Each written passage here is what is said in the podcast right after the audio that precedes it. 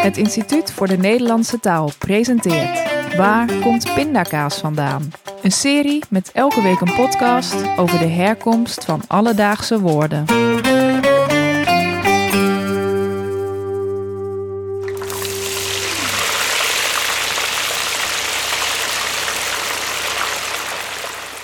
Een quizvraagje. De meest gegeten snacks in Nederland en België. Frikandellen en curryworsten. Met de friet even niet meegerekend dan. Of moeten we zeggen patat. En over frikandellen bestaat ook verwarring, want is het nou frikandel of frikadel zonder de N? En is dat nou hetzelfde als een curryworst of niet? Naast deze favorieten bestaan er nog talloze andere snacks in allerlei soorten en maten. En vaak hebben ze kleurrijke, soms niet altijd even smakelijke namen, zoals kapsalon, mitraillet en open been. Ook je bakje friet of patat verandert van naam afhankelijk van de vorm of de saus die je erbij bestelt en waar je het bestelt. Denk bijvoorbeeld aan een frietje oorlog, een frietje moeilijk of een patatje flip. In deze aflevering nemen we je mee in de wereld van snacknamen. En om te beginnen, zeggen we nu eigenlijk patat of is friet een betere naam voor de gefrituurde reepjes aardappel? Grofweg spreken inwoners van België en het zuiden van Nederland over friet en meer naar het noorden komt patat vaker voor. De emoties om deze twee varianten kunnen hoog oplopen. In 2015 ontstond er een levendige discussie op Twitter met de hashtags Team Patat en Team Friet. En af en toe leidt die discussie weer eens op. Dat die discussie er is, komt door de geschiedenis van de twee woorden. Want boven de grote rivieren bestaat er geen verschil tussen patat en friet. Het zijn twee woorden voor hetzelfde. Maar in het zuiden hebben de twee woorden juist twee verschillende betekenissen. Het frituren van aardappelreepjes begon in de 19e eeuw in het Franstalige Brussel. Die reepjes werden in het Frans patate frite genoemd, dat letterlijk vertaald gebakken aardappels betekent. In de spreektaal werd dat verkort tot friet, wat met en zonder e werd geschreven. En vaak werd het meervoud, frieten of frietjes. Afkorten tot patat zou vreemd zijn, want dat was daar het gewone woord voor aardappel. Maar omdat in het noorden een aardappel gewoon aardappel heette, was het woord patat nog beschikbaar. En toen de gefrituurde snak daar terecht kwam, werd niet de afkorting friet gebruikt, maar patat. Zo kon het dus dat er twee verschillende namen ontstonden voor hetzelfde: patat en friet. Lang bleef die geografische scheiding in stand, maar inmiddels heeft friet zijn opmars naar het noorden gemaakt en komen de woorden steeds meer door elkaar voor. In Nederland kun je dus zonder problemen overal patat of friet bestellen. Maar pas op, in Vlaanderen kun je beter niet om een patat vragen. Niet alleen omdat het een aardappel is, maar ook omdat het daarnaast nog een klap betekent. En je kunt je voorstellen dat het helemaal mooi wordt als je om een patat oorlog vraagt. Die naam is typisch Nederlands en nauwelijks bekend in België. Een klassiek patatje oorlog bestaat uit een portie friet met mayonaise of frietsaus, pindasaus en gesnipperde uitjes. In de jaren tachtig van de vorige eeuw raakte het waarschijnlijk vanuit de Randstad ingeburgerd in heel Nederland. En het werd enorm populair. Maar met de groei aan populariteit groeide ook de ergernis over de naam. Door de combinatie van oorlog en pindasaus dachten mensen dat de naam verwees naar Nederlands-Indië. Weer anderen vonden de naam kwetsend voor mensen die de Tweede Wereldoorlog meegemaakt hadden. Na het uitbreken van de oorlog in voormalig Joegoslavië in de jaren 90 raakte de naam helemaal in opspraak en er werden allerlei positieve alternatieven bedacht, zoals Frietje Vrede en Frietje Feest. De pogingen om de naam te veranderen waren tevergeefs. Het Frietje-oorlog was hardnekkig en overwon tot op de dag van vandaag.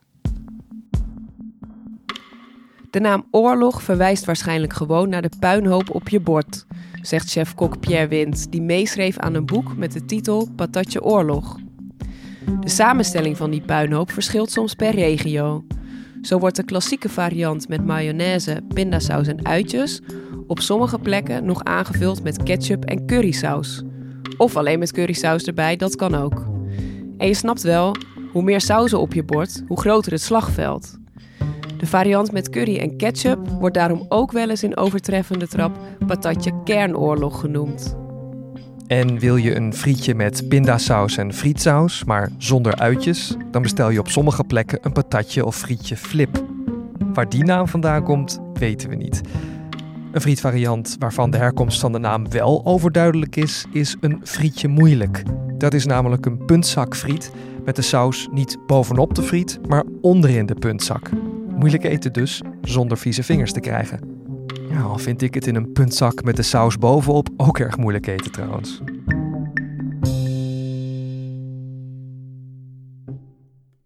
Waar je gegarandeerd ook vieze vingers van krijgt, is van een kapsalon. En dan niet zo één waar je je haren laat knippen, maar de kapsalon die je bij de snackbar krijgt. Dat is een bakje friet en shawarma met een laag gesmolten kaas erover en wat salade. De naam en de snack komen uit Rotterdam, waar in 2003 de eigenaar van een kapsalon de naburige shawarmazaak vroeg om voor hem een snack samen te stellen met friet en shawarma. Later werd er ook nog kaas over gedaan. En het viel in de smaak. En de Rotterdamse kapper, Nathaniel Gomez heette hij, bleef het ook na die ene keer nog bestellen. Maar soms stuurde Gomez er iemand anders op uit om zijn persoonlijke favoriet te halen. En dan was het nogal lastig uitleggen wat er precies de bedoeling was. Zeg maar dat je van de kapsalon komt, dan weten ze het wel, was toen het advies van Gomez. En zo was de naam kapsalon geboren. En de kapsalon werd vervolgens razend populair. Ook in de rest van Nederland en in België. Een beetje vergelijkbaar met de kapsalon is de uit Brussel afkomstige mitraillet. Het bestaat uit een half stokbrood met daarop een stuk vlees, friet en veel saus. Er kan ook nog salade, tomaat, kaas en gedroogde uitjes aan toegevoegd worden. Mitraillet betekent kleine mitrailleur of machinegeweer.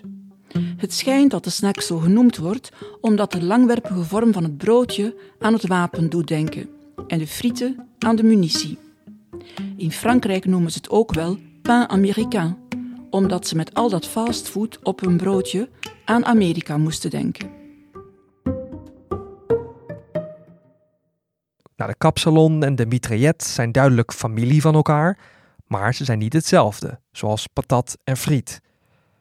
Er bestaat ook nog een andere heikele kwestie, namelijk die van de frikandel. Of is het toch frikadel? De woordenboeken omschrijven frikadel als een gekruide bal gehakt. Die snack vinden we vooral in de Belgische frituur. De naam frikandel met een N zou eind jaren 50 van de vorige eeuw verzonnen zijn door een snackfabrikant, De Vries in Dordrecht. Voor een nieuwe worstvormige snack gemaakt van gehakt en meel. De naam leek op de in die tijd al bekende frikadel en was er ook op gebaseerd.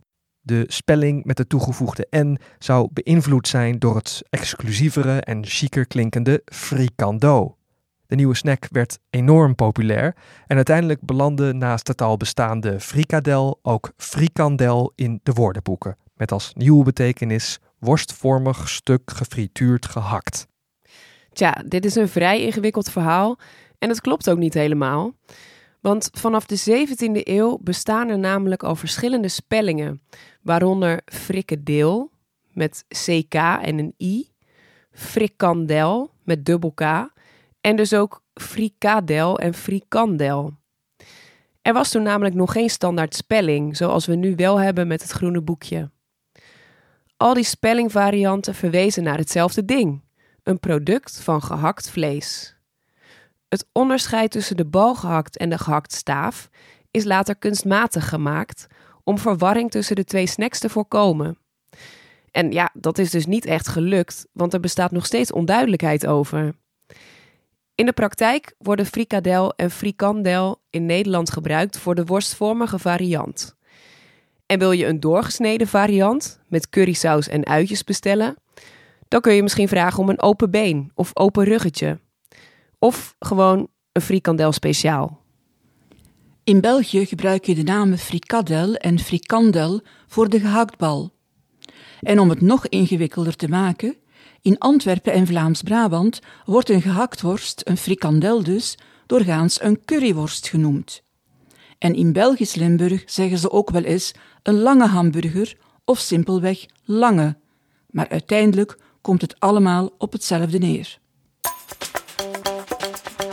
Dus als je geen verwarring wil zaaien in de snackbar of in de frituur, bestel dan een portie friet met saus en pas je jargon aan op wat er op het menu staat. Want smaken verschillen, zowel qua snacks als qua woorden. Of het nu gaat om een Rotterdamse kapsalon, een Brusselse mitraillet, een Nederlandse frikadel met grootheidswaan of een Belgische lange hamburger. Bedankt voor het luisteren. Je hoorde Frida Steurs, Casper Stalenhoef en mij, Laura van Eerten. Waar komt pindakaas vandaan is een podcast van het Instituut voor de Nederlandse Taal, gemaakt door Casper en mijzelf. Met dank aan Thomas Haga voor het meeschrijven en Michel van der Zanden voor de muziek. Wil je meer weten over woorden? Ga dan naar onze website ivdnt.org. En luister ook eens naar de andere podcast van het Instituut voor de Nederlandse Taal. Over taal gesproken. Dat is een samenwerking met het genootschap Onze Taal. En ook deze vind je natuurlijk in je favoriete podcast-app.